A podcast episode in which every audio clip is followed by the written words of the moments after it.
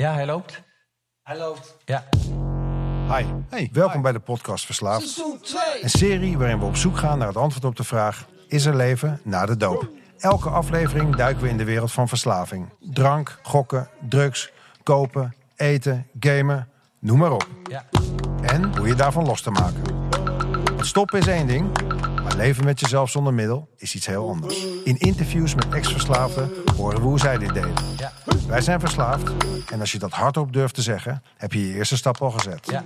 Wij zijn Alain en Sander. Ja. Goed dat je er bent. Ja. Twee. 3, Ja, 2, hij loopt. 1, go. Ja, loopt hij? Ja, hij loopt. Hij loopt. Dit is aflevering 35. 36.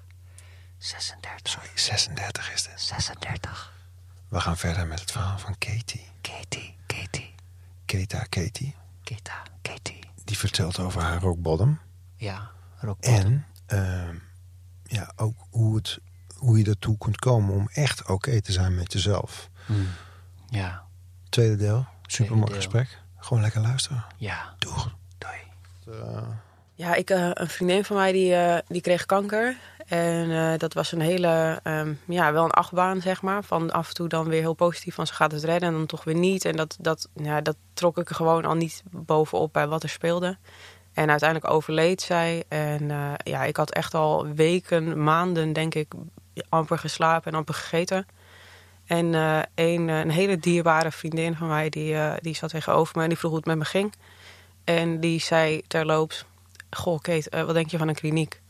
En ik, ik had al voor die tijd al echt dromen waarin ik schreeuwde stop me in een kliniek. Maar ik was zo bang. En op dat moment kon ik alleen maar huilen. En zei ik, ja dank je, dank je, dank je. Waar was je bang voor als je daar was? Voor het onbekende. Bang voor het onbekende. Ik was zo gewend aan mijn eigen drama, hoe heftig die ook was. En als ik erop terugkijk, denk ik, wat een onzin, weet je wel. Het, het- Nou ja, als, Ja. Dat, als dat je enige vriend is. ja, Met, Ja. de, met de Keta. eh, het was het enige wat ooit iets van verlichting had gegeven, zeg maar. En ik had gewoon Ja. Nul vertrouwen. En op dat, ja, ik was op dat moment zo gebroken dat ik alleen maar dacht, wat erger kan het niet meer worden. Het kan gewoon niet meer erger worden. Dus jij zou zeggen, ketamine is geen goede vriend om te hebben.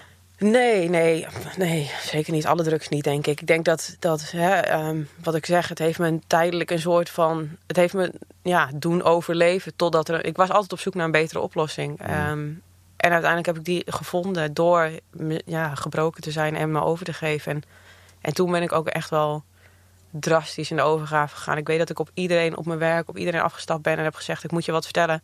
Het gaat niet goed met me, het gaat al heel lang niet goed. Ik ga naar een kliniek omdat ik, ik was zo klaar met die leugens en die maskers. Ik denk dat dat nog het meest vermoeiende was van alles. Super heftig. Ja. Ja. Ja. Wat cool dat, Ja. je, Ja, dat, je dat niet meer hoeft te dragen, dat kruis. Ja, heerlijk. Echt Ja. heerlijk. Jezus.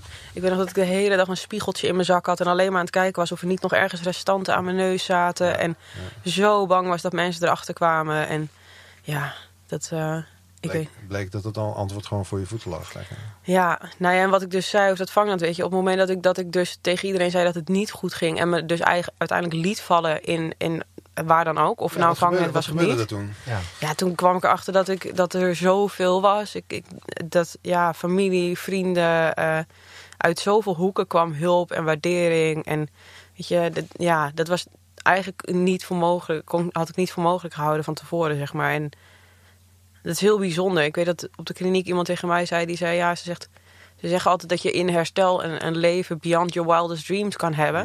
Maar ik had het al en ik zag het niet. Ik, ik durfde, het perspectief was verkeerd. Want die vrienden waren er al en die opties waren er al en die mogelijkheden waren er al. En ik had al de skills om iets te kunnen leren als ik dat wilde. En, maar, maar de angst en, en mijn patronen en eh, waar ik in gevangen zat, dat hield het allemaal tegen.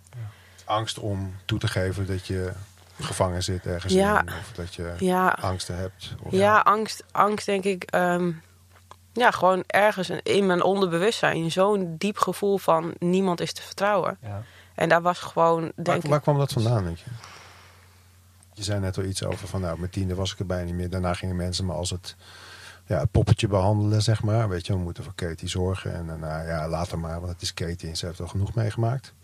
Ja, ik denk dat het soms een opeenstapeling is. En ook een beetje misschien... Ja, het deels zat het er denk ik wel al van jongs af aan. En misschien komt dat omdat thuis... ehm, dat ik dingen snel aanvoelde. Dus mijn ouders hadden financieel wel wat moeilijkheden. Dat ik jong was en ik was de oudste. Dus dat ik misschien toch wel meer heb aangevoeld dan ik dacht. Ehm, maar door de jaren heen, ja, ook nadat ik ziek ben geweest, ik heb ook nog te maken gehad met misbruik. En eh, ja, er, er gebeurt gewoon veel in een leven. En dat kan opstapelen als je niet de juiste tools hebt om daarmee te dealen, zeg maar. En, en die had ik gewoon niet. Nee. Die had ik niet. Eh, ik kropte op. Ik, eh, ja, alle, alle emoties waar je in herstel mee dealt, zeg maar, daar had ik nooit mee gedeeld. Die gingen allemaal. eh, maar is het toch eigenlijk raar dat het niet, ik bedoel, eh, ja, er bestaat wel zoiets als de, die noemen zichzelf School of Life, maar dat je een school, dat je op school ook, ik bedoel, wat hebben we, één uurtje maatschappij leren in de twee Ja. weken, ja, maar gewoon over hoe, hoe, ga, hoe ga je jezelf ontwikkelen, Absoluut. weet je wel? Dat is eigenlijk best wel raar, dat dat Ja. geen standaard Ja. onderdeel, dat je dus eerst helemaal op je knieën in de goot moet liggen, ja. Voordat je er om hulp durft te vragen, en Ja. dan is hij er wel, want we hebben natuurlijk wel zo'n mooi land dat je kunt kiezen voor Ja. een kliniek in, eh, weet ik veel, Thailand of waar dan ook, of, eh, of Ja. op het Surinameplein, lijkt er ook een te zitten, kwamen we laatst achter. Ja, er is niet echt een instructieboekje How to Live in the Modern World, weet je wel? Nee. Nee, nee, daarvoor Nee. moet je echt luisteren Echt, naar deze eh, show. Ja, zeker. Ja. Ja. Ja. ja, precies. Ja, Oké, dus eh, en daar kwamen die, eh, ja, dus een op, op, op, eh, aan één opstapeling van dingen, waardoor je dus op een gegeven moment het leven ook echt niet meer zag zitten. Ja, eigenlijk al heel snel niet. Oh, ik voelde, Is- ja, ik voelde me altijd anders. Is het niet ook misschien een klein beetje onderdeel van, zeg maar, ja, in, ik had dat misschien in mijn puberteit, weet je? Dat het kan ook vaak zijn, dan heb je gewoon een bepaald beeld. Want je zei ook van, ja, je had bepaalde dingen die je gewoon niet zag. Doordat je ontwaakt werd. En Ja. dacht van, shit, mijn familie is er wel voor me. En weet je, dat, dat koppige pubertje... Ik, heb je daar wel eens, eh, zie je daar dingen in, in terug? Of is dat Ja, nou ja, ik vind hè, aan de ene kant is koppig klinkt een beetje alsof het bewust weg wordt geduwd. Terwijl ik wel denk dat het, ik, ja, dat het echt geboren was uit angst. En dat het gewoon, Ja. ik wilde heel graag. Maar eh, ik, ik durfde het niet en ik kon het ook niet. Ik weet dat ik hypnotherapie heb gehad. Of dat, dat wilde ik gaan doen. En dat ik op de stoel zat en dat ze zei, doe, doe je ogen maar dicht. En mijn bewustzijn dacht, ik ga dit aan. Ik ga deze therapie aan, we gaan dit doen. Maar mijn onbewustzijn, ik zat zo in de angst. Ik kreeg mijn ogen gewoon oprecht niet dicht. Het lukte me niet om mijn ogen dicht te doen in die stoel. En dan merk je hoe sterk dat, dat overlevingsdeel dat om de bewustzijn is. Wat gewoon zegt, ja, Ja. Met je hoofd kan je denken dat je je trauma's aangaat. Maar Nee. dat vinden we veel te eng. Het is een soort eh reptiele brein ook, hè, wat gewoon op, eh op, op, 100%, op ja. crisismanagement staat. Ja, Ik had toevallig vandaag ook nog dat ik er even aan dacht en ook dat benoemde in een, eh, in een meeting. Dat ik dacht, ik zit hier met, weet ik veel, twintig gasten in een ruimte op anderhalf meter afstand. en ik zit tien minuten met mijn ogen dicht. Nou, de eerste keer dat ik dat, eh, weet ik veel, 2,5, 3 jaar geleden deed, toen dacht ik van, eh, eh, moet ik op mijn telefoon leggen, letten of zo, weet je wel. Er zaten toch wel een paar, een paar eh, redelijk dodgy types naast me. Ehm, eh, ik was even vergeten dat ik misschien wel de meest dodgy was. En, en dan op een gegeven moment, dan leer je dat dus. Dat je daar veilig kan zijn. ja, Dat niemand van je iets wil pikken. En sterker nog, als iemand doet dat je denkt, nou ja, oké, weet je wel. Als jij, dat, als jij zo moet, dan hoop Ja. ik dat je snel ook eh, een Ja. andere afslag neemt. ja, Maar dat is toch fantastisch zo. ja, absoluut. Ja, Zeker. Want eh, ja, die- dankbaarheid, ik wist ook technisch gezien, ik heb alles. Hè. Mijn ouders zijn bij elkaar, die houden van me, die zorgen Ja. nog steeds voor me. Ik heb een zus, ik heb een vrouw, ik heb een eh, fantastische zoon. Maar ja, als je die dankbaarheid niet kan voelen, dan, Ja. dan ga je op een gegeven moment, dan denk je dat je een toneelstukje op moet voeren. Anders denken mensen dat je niet goed bent. Het is, het is heel dichtbij en het, is, Ja. het zit ook achter kogelvrij glas of zo, zeg maar, om dat te, te ervaren. En dan blijkt dat het enige wat je hoeft te doen, is die tijdelijke oplossing weg te gooien. En te kiezen voor de permanente oplossing. ja. Ja. En daar ook permanent mee bezig te blijven. Absoluut, mij. absoluut, ja. Ja, want wat jij net zei over, zeg maar, hè, dat je geen, geen school hebt om het leven om te leren gaan. Ik, eh, gisteren ben ik dan bezig in de literatuur eh, van het programma. Ja.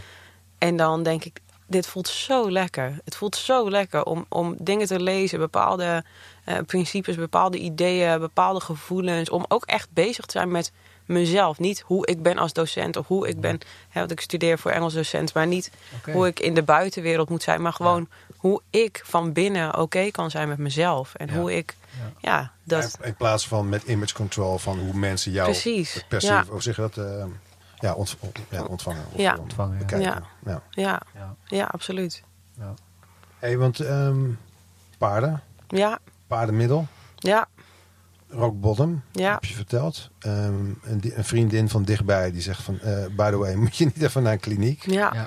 Wat gebeurde er toen? Dacht je toen van, oh, iemand ziet het eindelijk? Of Ja, ik was is, heel of- blij. Ik was opgelucht. Ik was echt opgelucht. Ik, Ja. eh, ik was zo moe van het vechten. En, eh, en zij pakte door. Zij was heel snel. Ze kwam de volgende dag met een lijst aan. Ze had allemaal klinieken gebeld. Ze zegt, dit zijn onze opties. Tak, tak, tak. En dat was echt, ze zegt, ik heb goed en slecht nieuws. Ik wilde graag naar het buitenland, want ik hield van het buitenland. En het slechte nieuws was dat mijn verzekering dat niet dekte. Uiteindelijk kwamen we erachter dat ik wel naar Castle Craig kon, kon. Dus ik kon toch naar Schotland. Dus was ik heel Een blij van, mee. soort van buitenland, maar dan met regen. Precies, maar wel, ik wilde weg. Ik wilde ver weg van, van alles. Dat, dat even tot mezelf komen, los zijn van alles. En niet, ja, ja. Dat, daar zocht ik echt naar afstand. En ja, ja dat, ja, alleen al de, de twee weken voordat ik wegging waren, waren bijzonder. Omdat ik toen eigenlijk naar iedereen open erover kon praten. Ik hoefde mezelf niet meer te verstoppen. Nee. Alle ellende, ook het gebruik. Ik kon alles laten zien, want ik ging er toch wat aan doen. En, en de kliniek zelf, ja, het is een overweldigende ervaring. Hoe lang, hoe lang ben je geweest? Is Tien weken. Tien weken. Ja. Tweeënhalve maand. Ja. Ja, tien weken, zes weken aftercare, half jaar in het safehouse gezeten ook nog. Ja, dat weet ik volgens Ja. mij. Nog in Noord ook volgens mij, toch? Ja, ja. Dus eh, ja. Maar ja. dan kom je wel een beetje beslagen ten ijs. Maar ja, dan kom je natuurlijk wel weer dezelfde mensen tegen. Dezelfde plekken. De... Ik heb veel veranderd. Ja, en ik moet zeggen, voor mij scheelde het denk ik heel erg dat je ik bedoelt als in echt- verhuisd? Of... Ja. ja. Ja, want ik woonde hiervoor nog steeds in Egmond. Nou, ik zei al meteen, ik wil niet terug naar dat huisje. Dat waren te veel herinneringen. Dat Ja. is echt mijn, mijn snuifbunker geweest, om het zo te noemen. Zo noemde ik het. Snuifpunker. Ja, Sorry, ik vind het best een gaaf, mooi nieuw woord eh, voor, de, voor, voor de collectie. Ja. ja. Ehm, dus dat wilde, wist ik eigenlijk al vrij snel dat dat gewoon geen goed idee was. En ehm, door het safehouse in te gaan, kreeg ik natuurlijk eigenlijk... En, en naar de meetings te gaan, bouwde ik gewoon heel snel een herstelnetwerk op. Eh, ik heb een andere baan dan dat ik... Want ik werkte daarvoor ook met paarden, maar in Egmond. En nu dan in Amsterdam. Ehm, ja, ik ben, ik ben heel snel heel veel dingen anders gaan doen. En dat hielp wel echt. Dat, eh, ik heb alle suggesties aangenomen die ik vanuit het programma kreeg. Omdat ik dacht, ja, ik zag mensen die, die het heel goed hadden en die deden dat. En toen dacht ik, ik wil wat zij hebben. Ja. Ik ga luisteren en ik geef me over. En ik weet het niet. Ja, in jullie wel. ja. Mooi is dat, hè? Dat je op een Ja. gegeven moment denkt van... hé, het werkt best wel goed als ik even probeer om het niet te weten. Ik gewoon Ja. even meewandel met eh, mensen Gewoon even die... de, eh, de bijrijdersstoel gaan zitten. ja, die eruit zien alsof ze weten waar we naartoe moeten met z'n ja, allen. ja, precies. Ja. Hey, één dingetje wat ik nog vergeten ben. Ehm, eh, jij hebt een tijdje meegedaan, nou niet aan drugspreventie, maar in, eh hey, je mag wel drugs gebruiken, maar niet te gek hè jongens, Ja. van een bepaalde Ja. club. Eh, hoe oud was je toen? Waar zat dat in je, in je gebruik? Dus je hebt van je, van je, wat zijn nou, van je twintigste tot je dertigste gebruikt. ja. Volgens mij relatief snel in het begin van je gebruik, je nog wat onderzoekende fase, kwam je in aanraking met die club. Toen dacht je van, hé, hey, hier wil ik eigenlijk wel Ja. bij horen of zo. Ja, ja. wat was dat? Wat was dat? Was dat? Kwam je daar ook een beetje voor jezelf? Dat je dacht van nou, als Mm. ik andere mensen wijs op het feit dat je binnen de lijntjes moet, nou, een beetje slecht eh, stukje beeldspraak hier, maar eh, zeg maar blijven lopen, of dat het, dat het ook iets was, een les die je zelf kon leren? Of? Nou, wat ik vooral heel erg merkte is dat vanaf de eerste keer dat ik gebruikte, dat ik wel, ik was iemand die altijd eerst alles ging googlen. Dus wat, wat moet je wel doen, wat moet je niet doen, waar moet je op letten. Ik wilde heel, ik was heel bewust tussen aanhalingstekens, hè, uiteindelijk dus niet meer. Dat is niet waar. Ik ging ook bewust de fout in. Maar ik, ik was niet iemand die zei, als iemand iets aanbood, van oh, doe maar. Ik wilde eerst altijd weten, eh, wat zijn de gevaren, waar moet ik op letten, bladibla. En ehm, Heb jij nog nooit drugs van een vreemde aangenomen? Eén Ehm, keer. Eén keer, ja. En dat, of tenminste, ik, ik heb heus wel, ja, absoluut drugs van een vreemde aangenomen. Maar ook dat, weet je wel, ik weet dat we ook een keer, had iemand drugs gevonden ergens. En dat ik dacht, ik probeer wel even wat het is. Ja, dat is debiel natuurlijk, maar je gaat, je gaat je grens opschuiven. En ik, op een gegeven moment dat ik gewoon, Ik heb het allemaal gedaan. Ja. Ik- precies hetzelfde. Ja, weet je. Ik heb een drugskluis leeggelepeld met een stokje en een, eh, en Ja. een stukje plakband. ja, En ik ging dat gewoon gebruiken. ja. Het Ja, zal wel, zal wel goed speel zijn als het in beslag genomen is. ja, ja, precies, ja, ja. Ja, Maar eh, even terug naar jou, sorry eh, voor deze. Ja, dus de, de drugsvoorlichtingen, eh, dat kwa- kwam vooral omdat ik wel merkte dat ik, ik zag gewoon heel veel om me heen de onwetendheid. Dat als mensen dan te hard gingen of zo, weet je. In het begin was het natuurlijk alleen met pilletjes wat we dan deden. En dan dacht ik, ja jongens, jezus, maar hè, ze, ze wisten niet hoe ze elkaar moesten helpen. Ze wisten niet wat ze moesten doen qua dosering en zo. En ik dacht gewoon, ja, het lijkt me wel belangrijk dat als we dan kiezen om deze dingen te doen, dat we dat met z'n allen een beetje bewust doen. Ja. Ehm, en dat, ik stond er wel onbekend zeg maar, in de groep dat ik al, als mensen een vraag erover hadden, dat ik de antwoorden wel had. Want ik was nieuwsgierig, dus ik las alles. En dat, eh, ja, dat sloot heel erg bij me aan, dat voorlichtingswerk.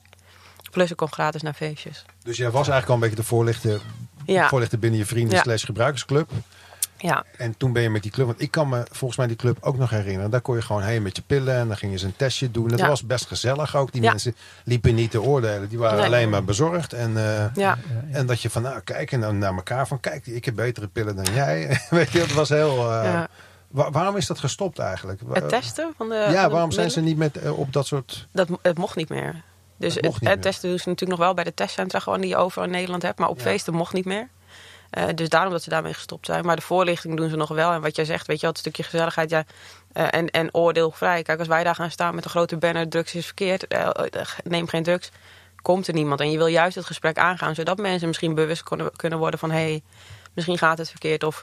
hé, hey, misschien is vijf pillen tegelijk een heel slecht idee. Ja. En, en waarom dan? En wat gebeurt er in je hersenen? Of hé, hey, waarom voel ik me altijd zo slecht twee dagen na gebruik of een dag na gebruik? En, En, en, zeg maar, op zich gratis naar binnen bij feestjes is natuurlijk een hele mooie motivatie. Maar eh, was jij dan nuchter als je daar dan, eh, of ging je ook wel eens zelf wat eh, gebruiken als je dan andere mensen tegen zichzelf in, in bescherming nam? het, nou, in eerste instantie, zeg maar, het idee was altijd als je de eerste shift had, dan mocht je daarna gewoon de hele dag, op de avond op de feest. En dan hoefde je ook niet te helpen om alles op te ruimen. Dus dan mocht je gewoon los. Dat was vechten voor die eerste shift. Ja, dat, dat was wel. Iedereen had een x aantal keer de in- eerste shift zeg maar, op feestjes. En, eh, en dan had je, als je andere shift had, moest je vaak helpen afbouwen. Dus dan was het wel de bedoeling dat je gewoon nuchter bleef. Ehm, wat ik in eerste instantie ook altijd heel netjes deed. Maar op een gegeven moment nam de verslaving natuurlijk, sorry collega's, toch over. Ja. ja. Dus dat, Je dat, bent vast niet de enige. nee, dat, dat weet ik ook wel zeker eigenlijk van niet. Ehm, En je, maar hebt, en je hebt je verantwoordelijkheid genomen. Ja. Maar eh, mooi dat je het zegt, inderdaad. Maar is, Ja. dat, is dat iets wat je nog steeds zou doen? dat voorlichting geven. Ja? Ehm, nou ja, ik heb er wel eens over nagedacht. Omdat ik dacht, ik zou nu in eerste instantie niet per se op de eerste jaren van mijn herstel. Vond ik een beetje dat ik dacht, ja, weet je, dan sta je op zo'n feestje waar iedereen gebruikt heeft. Vind ik soms confronterend en lastig. Ehm, maar ik merk wel dat ik. Ik vind het ook alweer. Ik, zou, ik denk dat ik het niet per se op die manier nog zou willen doen. Maar wel gewoon hè, vanuit de ervaring die ik nu heb. Ja. eh, mensen willen kunnen vertellen ja, ja, dat het ook dat het oké is als het ook helemaal de verkeerde kant op gaat. En dat daar ook hulp voor is. Ja, het is op zich wel mooi eh, dat, eh, ja, weet je, zo'n, om mensen, weet je, van als je het doet, doe, doe het dan goed en, en weet dan wat je neemt. Vind ik Ja. wel een mooi begrip. En ja, Want wa- wat zou je dan, welke boodschap zou je uitdragen? Zou je dan zeggen van, hé, hey, gebruik maar met mate? Of zou je zeggen van, hé, hey, gebruik zoveel als je wil. Er is een risico aan. En, by the way, er is ook een manier dat je helemaal loskomt daarvan. Wat, ja. wat zou je dan... Ja, nou, ja, ja, Verschilt namelijk ook een beetje bij welke club je dat werk gaat Ja. doen. Over wat je... absoluut. Ja, en, en, en ook de persoon die je tegenover je hebt. Ik bedoel, recreatief denk, heb ik niet per se iets tegen gebruik. Want dat is net als met drinken, weet je wel. Als dat, sommige mensen kunnen dat gewoon heel goed. En ik weet ook dat het leuk kan zijn. Eh, maar het is wel goed om bewust te zijn dat het ook de verkeerde kant op gaat, kan gaan. En ik heb ook nooit, ik zou nooit de drugs de schuld geven voor mijn probleem. Want wat ik zeg, het begon met, met eten en eetstoornis. Dus vroeg of laat was het op de een of andere manier wel misgelopen. Had ik drugs niet tegengekomen, dan was ik doorgeslagen in het eten. Of had ik eh, complete liefdesverslavingen die ook langs is geweest, daarin gestort of zo. Of dat probleem was er al voor de drugs. Hey, wa- wanneer ben je gestopt bij die club?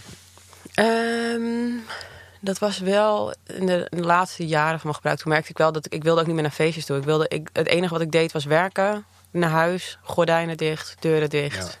En gewoon, ehm, ja, het enige wat ik nog leuk vond soms was een afterparty. Niet een feestje zelf, maar een afterparty. Feestjes was veel te veel prikkels, maar een beetje met z'n allen hangen. Met een beetje chille muziek en Ja, dan ja. kunnen gebruiken. Dat, eh, maar zelfs op afterparties waar vrienden waren die echt veel gebruikten... voelde ik nog dat ik dacht, oh, ik moet een beetje verbergen hoeveel ik gebruik. Want dit is extreem. Dus dan, dan deden we met z'n allen lijntjes delen. En als we een lijntje hadden gehad, ging ik naar de wc om zelf nog een beetje extra te nemen. Omdat ik dacht, ja, dit is net niks. Want ik kan me ook voorstellen, ik bedoel, ik heb mezelf ook helemaal kapot. eh, ik heb ook best veel gedaan. Ehm, maar ik ben geen mooie jonge vrouw. Jawel. Ehm, dan ben je ook nog kwetsbaar, zeg maar. Als je zo ver heen bent dat je ook misschien jezelf minder goed kan verdedigen. Of situaties minder goed inschat. Of gewoon voor apengapen. Ik bedoel, ik heb het aan het eind van mijn gebruik een tijdje geprobeerd om van de SOS af te komen. En het was heel anders. En het was best heel. Het was niet meer eng en, en naar binnen, maar het was naar buiten open. En inderdaad, als je een film of voor dat matter een seksfilm zat te kijken, je deed gewoon mee. Weet je, zat Ja. in dat decor. Hoe is dat bij jou gegaan? Is dat altijd goed gegaan? Had je, als je daar nu aan denkt, heb je risico's genomen? Moet je, moet je blij zijn dat het goed. eh, Wat, Nee, ik denk wel dat ik. ehm, omdat ik natuurlijk eigenlijk, als ik met andere mensen gebruikte, dan. eh, ja, ik had natuurlijk op een gegeven moment zoveel tolerantie dat ik gewoon niet meer zo heel erg vaag daarvan werd. Eh, maar met ik was altijd wel. Ik had vriendinnen die zeiden: joh, aan jou zie je nooit dat je gebruikt had. Terwijl ik ongeveer tien dingen tegelijk gebruikte, maar van alles net een beetje. En ik was wel heel erg van de controle daarin houden. Vond je dat een compliment ook als mensen dat tegen je zeiden? Nee, niet per se. Ik was wel blij dat het niet zo zichtbaar was. Want ik gebruikte zoveel dat ik dacht, oh, ik hoop dat ik er nog een beetje... Daar werd ik van bijvoorbeeld Spies heel bewust van. Dat ik dacht, wat denken andere mensen van me? Ja, ja. Eh, dus ik was blij dat het dus niet zo heel erg te zien was. Aan het einde natuurlijk wel. Ehm, en echt helemaal eh, gek en veel doen. Dat deed ik alleen wel in groepen met mensen die echt heel vertrouwd voelden. Dus Ja. ik heb daarin gelukkig nooit, eh, nooit risico's genomen. Of, heb je het groepsgeweten nog van mensen die op elkaar letten natuurlijk. Ja, Zo. ja. Wauw, ik heb avonden gehad dat ik gewoon, eh, ja, gewoon wakker werd en gewoon al vanaf 11 uur 's avonds niks meer wist. En dan echt de meest verschrikkelijke verhalen hoorde van, Wat je gedaan had. ja, ja. Het was voornamelijk eh, door, eh, door MDMA. Dan ging ik altijd zo van, eh, als je daar iets te veel van nam, Ja. je ogen helemaal wegtollen. En dan eh, en op een gegeven moment was het ook gewoon niet meer leuk. Weet je, je doet iets om je goed te voelen. Om lekker te dansen, gezellig kletsen, knuffelen. Had je dan wel eens dat je voelde dat iemand naar je zat te kijken met een soort eh, blik van... Jezus, gaat het niet? Ik heb dat één keer gehad. Toen was het, was het een heel goed 5 mei festival waar we vandaan kwamen. En al mijn vrienden hadden hun zonnebrillen op. Om 11, 12 uur s'avonds in de trein. En dus ik denk, nou, dat ziet er zo dopie uit, dat doe ik niet. En toen, en toen kwam die conductrice binnen en die keek me aan en die zegt, zo, weet je moeder dat je hier bent? Nou. Oh, wow. Dus, maar, sorry. Ja, nee. ehm, ik weet even wat ik wil zeggen. Ehm, Don't do drugs. Oh ja, dat op een gegeven moment gewoon, ja, dat, dat eh, dwang, ja, dat je gewoon, je doet het alleen nog maar om, om, om je denkt je goed te voelen, maar eigenlijk met alles, blowen, met alle drugs gewoon, het- zelfs, nou ja, ik wil zeggen met alcohol, maar dat gewoon, dat het niet meer, gewoon niet meer leuk is, weet je. Je doet iets om, om, om- voor de gezelligheid en het was Ja. gewoon niet meer gezellig. Je, ik, raak, ik raakte zo mezelf gekeerd. Vooral met, weet dat is wel bekend met blowen bijvoorbeeld. Ik weet niet of jij dat wel, wel eens had, eh, Sander. Maar als je dan een flinke joint rookt, dat je gewoon niks meer te vertellen hebt. Dat je gewoon compleet zat- leeg bent. Ik zat na een werkdag met mijn beste vriend in de auto. We hadden een topdag, lachen, gieren, brullen, tyfus hard werken. En aan het einde een muziekje erbij, jointje roken. En halverwege de tweede joint zit, zit, word ik gewoon ongemakkelijk op een plek waar ik me de hele dag prima veilig heb gevoeld. Dat dus. Met een van mijn beste maten. En dan een beetje horkerig. eh, Ja, nou, doe je mazzel op, probeer recht te lopen. En dan thuis half dood op de bank een film gaan liggen kijken of zo. Maar ehm, Ja. ik, ehm, ik kijk af en toe ook even op de klok. heb ik net gedaan. 52 minuten. We hebben alle tijd. Maar ehm, we willen natuurlijk ook... eh, ik wil nog in ieder geval van je weten... hoe eh, je verslaving zich in je liefdesleven gemanifesteerd hebt. Ehm, en je zei ook nog iets over misbruik, maar misschien is dat wel erg persoonlijk. Hoef je ook niet te delen allemaal. Sowieso moet je zelf weten wat je vertelt. En dan zou ik heel graag willen naar hoe je leven nu is en hoe je blijvend op het rechte pad eh, Ja. jezelf staande houdt. Nou, dus de liefde. Als ik dat zo hoor, dan eh, wordt het misschien wel een driedelige aflevering. eh. Ik sluit niks uit, Ik, mensen. spannend, ik sluit spannend. niks uit. De liefde? Wil je beginnen met de liefde? Ja, dat is... Je dat mag beginnen waar jij mee Ja. wil beginnen. Nee, ja, de liefde, ik vind het een mooie. Ik, eh, ik, ik weet niet, ik, ik word nooit snel verliefd. Eh, ook daarin had ik heel erg angst en reserveringen. En eh, op een dag ontmoette ik een jongen die eh, bezet was. En dat was heel veilig voor mij. En ehm, ja, het was voor het eerst dat ik eigenlijk een beetje ergens open in durfde. Was ook wel, er ging drugs bij gemoeid, zeg maar. Dus dat scheelde. Er was geen of er was drugs. Ja, wel, de eerste keer dat ik hem ontmoette wa- was ik onder invloed. Dus toen was ik iets makkelijker open, denk ik. Ehm, en vrij snel ja, bouwden we eigenlijk best wel een goede band op. En eh, toen voor het eerst werd ik echt verliefd. En dat, ja, dat heeft, als ik erop terugkijk, dan is dat echt wel een van de grootste verslavingen geweest die ik heb gehad. Want ik liet er alles voor vallen. Hij woonde in Breda, ik- in Egmond. Ik eh, reisde erheen eh, elke keer. ehm, school kon gestolen worden, werk kon gestolen worden. Ik was wel iemand die zeg maar nooit mijn werk af zou zeggen. Maar als ik bij hem in zijn armen, ik voel dat, dat gevoel van veiligheid wat ik ergens zocht. Dat vond ik bij hem in, in zo'n grote mate. Ik weet dat zelfs mijn moeder zei, ze zegt, ik heb jou nog nooit zo gezien. Weet je, gewoon, ik voelde rust en vrijheid. En ik durfde te, te huppelen over straat zonder dat ik bang was wat anderen van me da- dachten. En ik was gewoon high as a kite, zeg maar. op En- de liefde. Hoe ehm, was hij heel knap? Was hij heel cool? Was hij tof? Slim? Wat, waar was het allemaal waarschijnlijk? Maar, spier. Gewoon ja zeggen, want ik, ik denk dat hij dit misschien wel hoort ook. Dus oei, oei. nee, ik ben deze. Ja, nee, ja, geen slecht woorden over deze jongen. Ehm, kijk, de, de relatie was net als met een echte druk, zeg maar, in het begin fantastisch. En uiteindelijk hing ik alles op aan hem, zeg maar. Hij, hij oordeelde niet, dat was heel fijn. Ik, eh, ik weet dat ik probeerde mensen altijd bij me weg te duwen. eh, door extreem eh, raar alles open te gooien over mezelf, extreme dingen te doen. En hij vond het allemaal leuk. Dus dat maakte dat ik dacht, oh, iemand die niet wegrent als ik mijn ergste, gekste zelf laat zien. Ja. Ehm, Eindelijk mag ik mezelf zijn. ja, ja, iemand die, die niet alleen mij accepteert hoe ik ben, maar het ook nog eens fantastisch vindt. Dus dat, ja, dat was gewoon heel bijzonder. En, Is eh, dat ook niet gewoon de essentie van een gezonde relatie? Dat je ja, elkaar ja, zeker laat weten. zijn wie ja. je wilt zijn? Of Het was waarvan ook- je misschien wel vergeten was dat je dat bent? Of zo. Ja, en het was in de kern ook zeker geen, geen verkeerde relatie. Het was absoluut, ja, een heel- ja het, het begon heel goed. Alleen waar het misging is dat ik, ehm, net, net als met druk zeg maar, ik, ik wilde alleen nog maar dat, omdat het zo goed was. Ja, ja. Dus eh, alles ging eronder lijden. Ik raakte een baan kwijt, eh, school. Ik kwam op achter met deadlines. Ik liet alles vallen. En hoe meer ik liet vallen, hoe meer ellende er buiten die relatie was.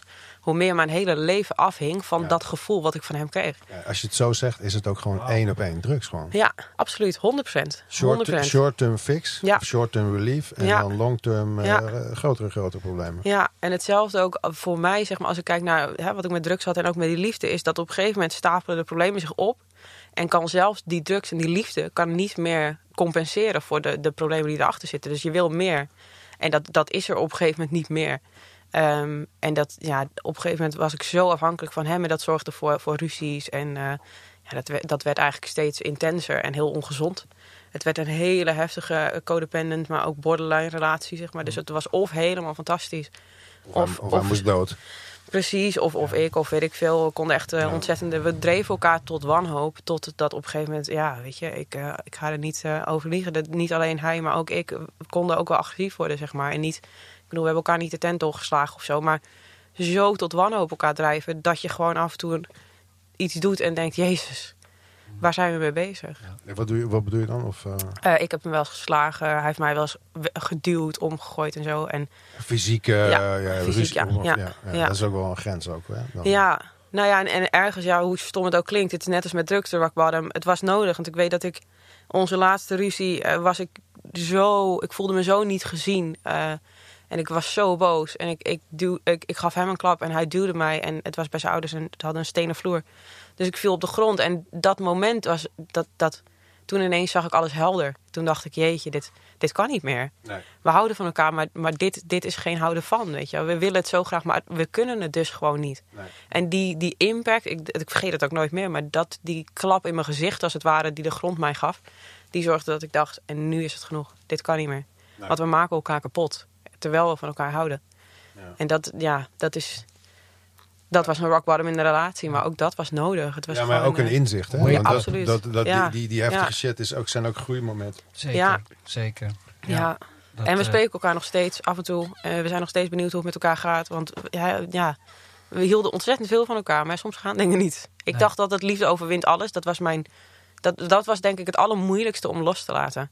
Mijn geloof dat liefde alles zou overwinnen. Het was niet alleen hem opgeven, maar ook dat vertrouwen in liefde Ja, loslaten. maar misschien is dat, dat kun je natuurlijk op twee manieren bekijken. Je kunt denken van de liefde van de ander voor mij kan alles oplossen. Ik denk dat er misschien meer bedoeld wordt dat de liefde die jij zelf hebt voor jezelf en ook voor anderen, vergeving, eh, Ja. noem maar op, zeg maar, dat dat alles op kan Ja. lossen. Dus op het moment Nee. dat je hem vergeeft, nou ja, ik weet het niet. Nee, nee, mooi Ah. gezegd. Dat is zeker waar. de- Het beeld wat ik toen had natuurlijk, hè, dat door van elkaar te houden, kan je voor altijd bij elkaar blijven. Dat was toen mijn beeld en dat moest ik, los- moest ik loslaten. En nu Ja. weet ik, liefde is loslaten. Liefde is gewoon soms accepteren dat dingen zijn zoals ze zijn. En ja, daarin verder. Ja. Ja.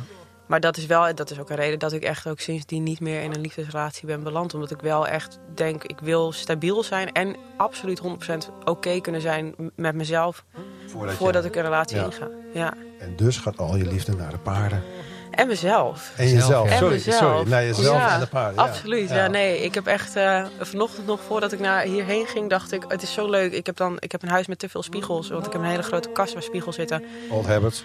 En uh, ja, misschien dat ja. Um, maar, maar ik heb niet meer dat als ik mezelf ochtends zie dat ik denk of zo, weet je. Ik, ik kan echt denken. Had jij dat vroeger ook of niet? Ja, verschrikkelijk. Ja, dat denk ik ook Ja. bij knappe mensen dat die dat niet hebben. Maar Nee, ik vond het ook ja, verschrikkelijk. dat je, oh, daar heb je hem weer 's ochtends. Zo Ja. begon jij je dag al. Ja, ja, echt verschrikkelijk. En Ja. gewoon alle, alleen maar een oordeel. En nu denk ik, ja, we gaan er een feestje van maken. Ja. En eh, ik, ik vind de persoon in de spiegel leuk. En ik heb mensen om me heen die, die dat ook leuk vinden.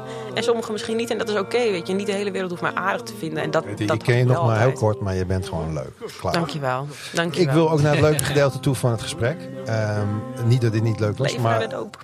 is er Ja. leven na de dood? 100 procent. 100 Leven naar de doop. Ja, is er leven na de doop? De vraag die we elk, eh, elke aflevering zeggen. Eh, bij Katie duurt het wat langer, ehm, maar we gaan hem stellen in het volgende deel. Luister verder naar het paardenmeisje met het paardenmiddel. Die er allemaal weer bovenop kwam. Met dingen als muziek, eh, nieuwe dingen uitproberen, een studie weer opnieuw oppakken en ja zeggen tegen het leven. Dit was de podcast Verslaafd. Idee, productie en uitvoering Alain, Sander en Bas. Elke donderdag een nieuw gesprek. Tot de volgende keer. Tot de volgende keer.